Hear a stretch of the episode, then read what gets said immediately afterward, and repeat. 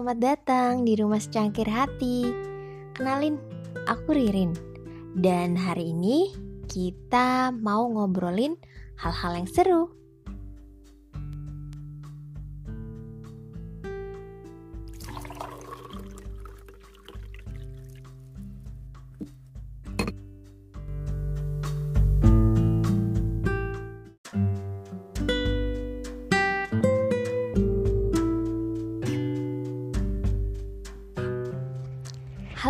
Selamat datang di Secangkir Hati. Hmm, teman sehati, gimana nih kabarnya hari ini? Jadi, hari ini kita bakal ngobrolin hal yang baru lagi nih. Kalau kemarin kita ngobrolin tentang mimpi dan aku sempat sharing juga. Nah, hari ini kita bakal ngobrolin tentang strategi. Hmm, jujur ya, waktu pertama kali ngomongin strategi, yang kebayang di pikiran aku tuh sebenarnya strategi perang ala Sun Tzu. Wah, tapi kita bukan mau ngomongin itu kok. Cuman ada salah satu quotes-nya yang berkesan, yaitu beliau bilang gini nih, strategy without tactics is the slowest road to victory. Tactics without strategy is the noise before defeat. Gitu kalau menurut beliau. Nah, kalau kemarin itu kan kita bahas tentang bagaimana mencapai mimpi. Kali ini seperti yang aku udah sampaikan di awal, kita mau bahas tentang strategi dan ini bisa diterapkan dalam berbagai hal. Mau itu strategi untuk meraih mimpi, strategi untuk mencapai hidup yang lebih sehat, strategi untuk bisa keluar dari zona nyaman, strategi untuk bisa membuka hati. Wah, banyak banget ya. Cuman berhubung ini sangat relate banget dengan apa yang aku alamin, terutama di masa pandemi ini, aku ingin sharing tentang strategi gimana supaya hidup kita bisa lebih sehat? Karena most of the time kan kita work from home ya. Jadi jangan sampai kita jadi mager dan nggak seger. Karena dengan kita sehat secara jasmani, rohani dan mental maka sebenarnya kita bisa nih hidup produktif dan performa kita lebih baik dalam mengerjakan apa pun atau bahkan saat kita bertemu dengan siapa pun. Karena itu pasti mempengaruhi mood kita kan. Oke. Nah, kalau gitu aku mau share ya tentang beberapa strategi yang aku lakukan di masa pandemi ini, terutama untuk strategi punya hidup yang lebih sehat. Oke deh. Yang pertama itu olahraga rutin. Jujur, aku tuh sebenarnya orangnya nggak terlalu physical activities banget ya. Sebelum pandemi, aku dulu sempet kalau weekend itu suka lari di track, jogging track ya, di salah satu sasana olahraga. Tapi setelah itu, ternyata aku mengalami masalah dengan kaki aku. Jadi dokter menyarankan aku untuk melakukan renang. Dan surprisingly, itu adalah olahraga yang paling cocok. Setiap weekend akhirnya aku ganti jadi berenang. Tapi setelah masuk pandemi, nggak mungkin dong aku datang ke tempat renang. Jadi akhirnya aku memutuskan untuk berolahraga di rumah. Nah, apa sih olahraga yang aku lakukan di rumah? Karena aku juga orangnya ingin yang simple, nggak pengen yang ribet, tapi tetap bisa bergerak. Jadinya aku download aplikasi dari Play Store. Banyak banget loh teman-teman. Dan itu bisa teman-teman pilih jenis olahraga variasinya seperti apa. Dan bisa diatur juga loh mana yang cocok untuk kita. Kalau teman-teman kebetulan punya halaman, mungkin teman-teman bisa coba dengan jalan-jalan keliling taman atau juga latihan angkat beban ringan kalau memang punya alatnya atau bisa dimodif sendiri juga. Nah, kalau teman-teman sukanya kegiatan yang lebih dinamis, bisa banget nih cobain dengan dance. Mungkin teman-teman punya grup-grup favorit dan teman-teman sekalian cover dance, sekalian olahraga tuh. Seru dan sehat banget pastinya. Bisa juga dengan bersih-bersih rumah, doing house chores. Jadi kalau sambil beres-beres entahkah itu cuci baju yang manual ya cuci bajunya dong pastinya melatih otot-otot lengan kita saat menggosok pakaian dan menjemur. Itu juga olahraga sendiri kan.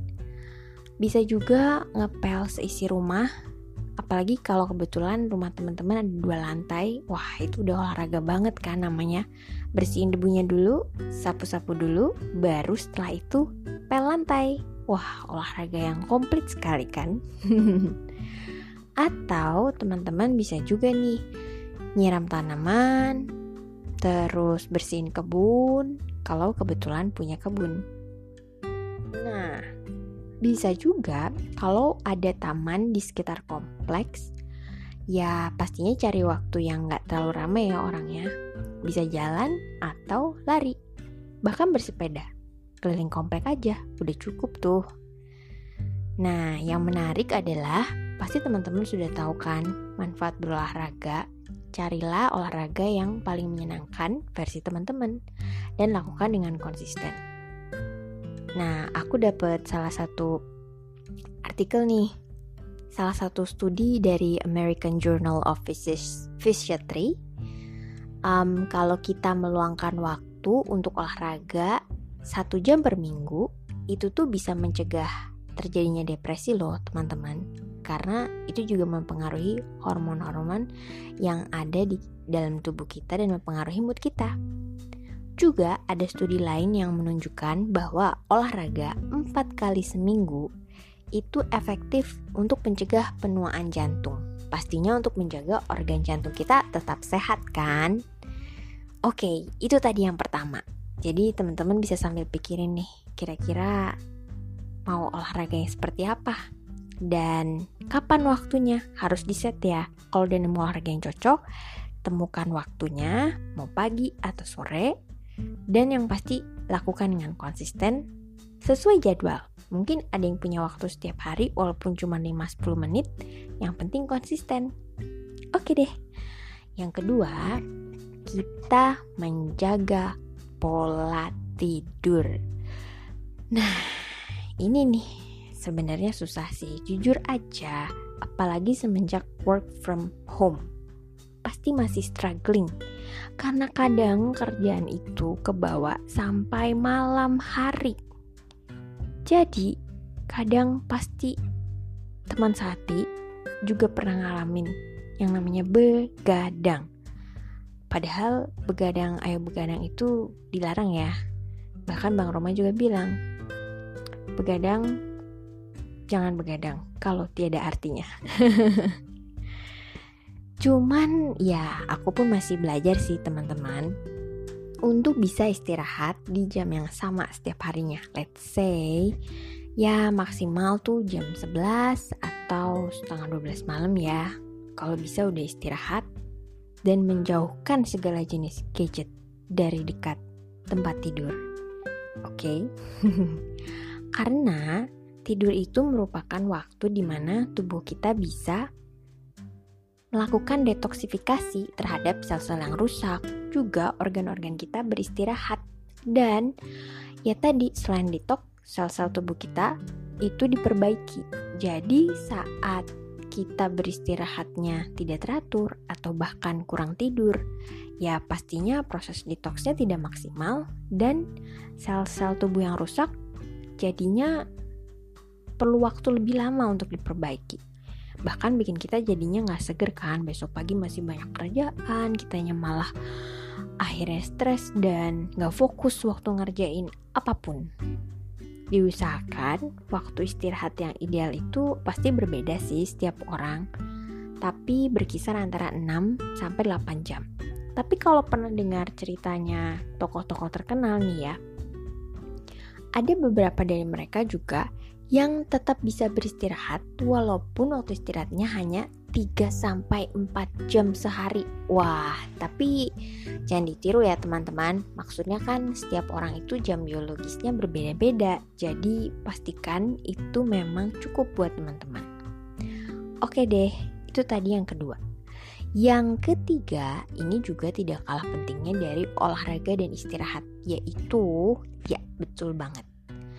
Mengatur pola makan sebenarnya pasti teman-teman sehati udah tahu sih mana makanan yang baik dan mana makanan yang tidak baik buat tubuh kita. Perkaranya cuman manakah yang pengaruhnya lebih kuat dalam hidup kita? Apakah kita lebih memilih jadi hashtag tim micin, hashtag tim junk food, atau hashtag tim makanan tinggi kalori? Ya itu balik lagi sih sama kita. Tapi saat kita punya strategi, kita pastikan juga kita lakuin ya. Kalau bisa, ya kita mengurangi makanan-makanan yang ultra proses. Jadi kalau misalnya teman-teman ngecek nih di kemasan makanannya itu banyak komposisi dengan bahasa yang tidak teman-teman mengerti Kayak misalnya ada tulisannya mononatrium glutamat, monosodium glutamat, maltodextrin, atau kandungan gula tersembunyi. Ya tulisannya mungkin bukan gula, tapi bisa juga sukrosa, dextrosa, fruktosa, dan turunan-turunan gula lainnya. Atau bahkan istilahnya terlalu ilmiah sampai kita nggak tahu itu bahan apa yang ada di dalam. Nah itu udah ultra proses ya teman-teman. Jadi bahannya bukan bahan-bahan alami, tapi sudah melalui banyak proses kimia. Harus berhati-hati. Makanya kenapa kita harus selalu memperhatikan komposisi makanan dari setiap makanan yang kita beli. Terutama makanan kemasan ya. Lalu kalau bisa kurangi minuman berkafein seperti kopi, Sebenarnya kopi itu kan punya manfaat yang bagus ya kalau diminum in a moderate way. Secukupnya. Dan kopinya pun harus kopi yang black coffee. Without sugar, without cream, without milk, benar-benar pure kopi. Tapi kan banyak yang sukanya kopi-kopi versi yang lain. Ya you know lah ya, frappuccino, latte, extra sugar, extra cream, extra ice cream, dan lain-lain. Ya, tapi itu balik lagi sama teman-teman sih. Kalau memang ingin memulai kayak hidup sehat, memang ada harga yang harus dibayar. Oke, okay, next, mengurangi minuman bersoda. Minuman bersoda itu juga tinggi kalori karena biasanya kadar gulanya sangat tinggi. Hanya kadang kita nggak sadar ya. Kalau aku secara pribadi jujur, aku udah jarang banget minum soda. Sejak SMA kayaknya aku stop soda. Maksudnya tuh um, secara sadar mengurangi minum minuman bersoda. Kecuali kalau misalnya saat ada event tertentu dan kebetulan suguhannya pilihannya hanya minuman soda, ya aku minum tapi sedikit memang aku nggak terlalu suka yang manis-manis juga sih dan aku memang mengurangi soda. Begitu. Next mengurangi makanan yang tinggi kalori. Ya kalau ini sih makanan-makanan yang digoreng. Bukan berarti nggak boleh ya. Makanan yang digoreng kemudian yang kalorinya tinggi dan um, yang high glycemic index. Mungkin bisa diganti dengan makanan-makanan yang tinggi serat seperti pengganti kalori ya. Oats atau mungkin umbi-umbian. Karena sekarang juga ada ya alternatif tepung yang bukan terigu atau dari gandum.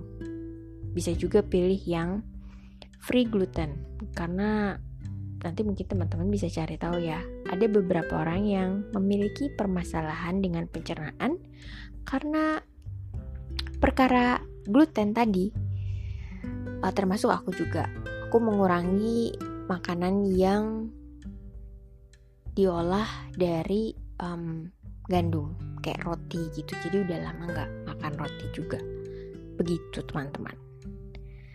Dan juga sebaiknya kita mensubstitusinya dengan kalau nggak suka buah-buahan atau sayur mungkin alternatifnya bisa tuh minum jus jus yang seru. Karena banyak banget ya sekarang sudah banyak sekali pilihan nih teman-teman.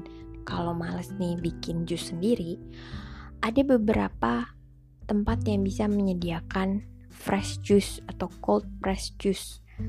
Bagusnya sih sama seratnya ya jadi bukan cuma airnya aja. Karena serat juga membantu untuk membersihkan saluran pencernaan kita. Nah bisa juga teman-teman mencari alternatif lainnya dengan makan salad. Kalau misalnya teman-teman suka sayuran ya. Karena sekarang ini banyak banget pilihan makanan sehat yang available untuk dijadikan uh, makanan siap saji tapi versi sehat ya. Pasti teman-teman tahu lah satu dua brand yang dia produk utamanya menjual salad dengan pilihan yang sehat. Bahkan ada di mall bahkan ada juga di situs atau di aplikasi untuk food delivery. Jadi bisa buat pilihan teman-teman juga nih, salah satu pilihannya gitu. Dan yang paling utama adalah teman-teman juga mengkonsumsi air putih. Penting banget sih, jujur. Uh, kalau aku jujur tim hashtag uh, air putih karena gak tahu kenapa setiap kali ke tempat makan misalnya makan di luar nih itu paling standar tuh aku ordernya lemon tea nih. Atau misalnya jus. Kebetulan aku nggak bisa minum kopi. Tidak berteman dengan kopi lambungku. Dan tidak bisa juga minum uh, banyak-banyak. Jadi udah enggak um, jadi standarnya minumnya lemon tea. Tapi pasti aku selalu bawa tumbler sendiri. Yang isinya air putih. Karena somehow habis minum apa pun itu rasanya tetap haus. Jadi satu-satunya yang bisa meredakan kehausan aku itu adalah air putih. So itu sebabnya kenapa aku tim air putih. Itu juga berproses ya. Kalau tuh masih kecil masih ada minum yang seperti aku bilang ya. Aku berhenti minum soda tadi untuk SMA terus udah mulai nggak ngeteh teh teh anget gitu ya yang tiap hari minum teh enggak.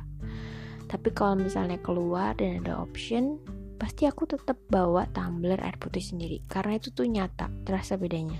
Ya as you know lah ya manusia juga kan almost 60% dari sel-sel tubuh kita itu disusun dari liquid. Jadi kita butuh air untuk melarutkan berbagai macam zat-zat yang ada dalam tubuh kita dan membantu dalam proses metabolisme.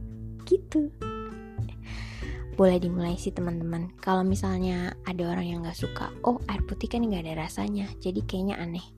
Ya mungkin bisa dicoba sedikit demi sedikit ya. Mungkin ada yang sukanya air yang dingin atau air yang suhu ruang. Selama kita memang punya niat dan pengen strategi ini berhasil pasti kita akan berusaha oke? Okay? dan yang terakhir karena tadi di awal aku sebutin ini juga bukan hanya secara jasmani tapi juga untuk kesehatan mental. Jadi yang keempat strateginya adalah reduce screen time terutama saat kita membuka sosial media. Fakta yang menarik, hmm, sebenarnya aku pribadi juga mengalami permasalahan dengan sosial media terutama Instagram.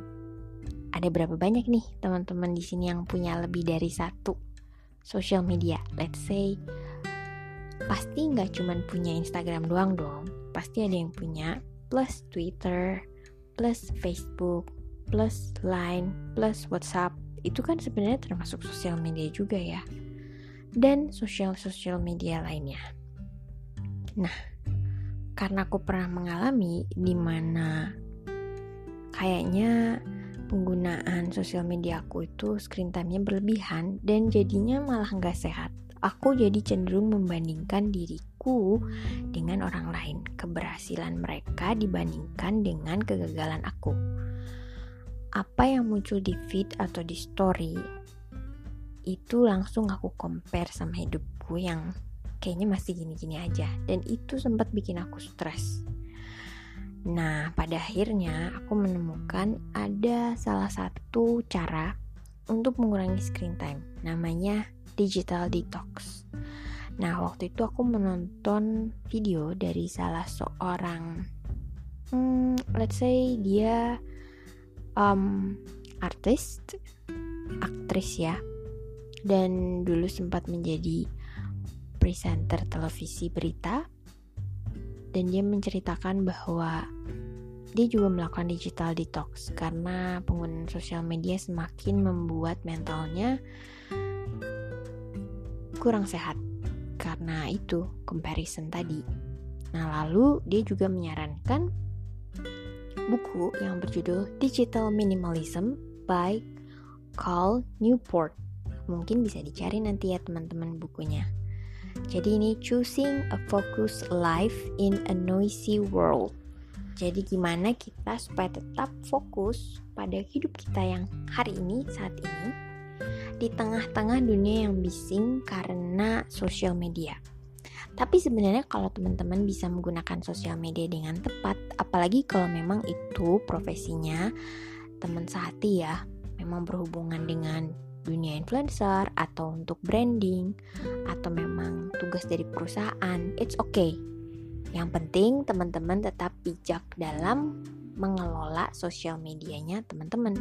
Kalau aku, karena aku berkaca dari pengalamanku sendiri, jujur sekarang aku buka Instagram hanya once a week. Satu minggu sekali, dan itu rasanya lega banget karena aku tidak harus melihat keriuhan atau aku nggak harus melihat pencapaian-pencapaian orang maksudnya in a negative way ya karena pada akhirnya jadi membandingkan dengan diriku sendiri dan akhirnya aku bisa lebih produktif untuk mengerjakan hal-hal lain yang ada di dunia nyata bukan di dunia maya pada akhirnya aku bisa mencoba hal-hal baru bertemu dengan teman-teman baru di komunitas baru yang juga membuat aku jadi lebih positif. Mungkin bisa mulai berkebun, mulai memasak dengan melihat dari resep-resep simple yang ada di YouTube. Ya, kita bisa pakai itu untuk hal yang positif. Atau kita mulai menulis lagi, mulai membuat prakarya, lebih banyak berbicara dengan orang-orang yang ada di sekitar kita, berbicara langsung ya dengan orang yang ada di hadapan kita dan menikmati momen yang ada saat itu juga. Nah, kira-kira begitu tuh teman-teman strategiku untuk menghadapi hidup yang lebih sehat. Gak kerasa ya, episode kali ini kita ceritanya banyak juga ya. Kalau gitu, kita ketemu lagi besok ya. Dan semoga apa yang kita obrolin hari ini bisa bermanfaat. Sampai jumpa teman sehati. Bye.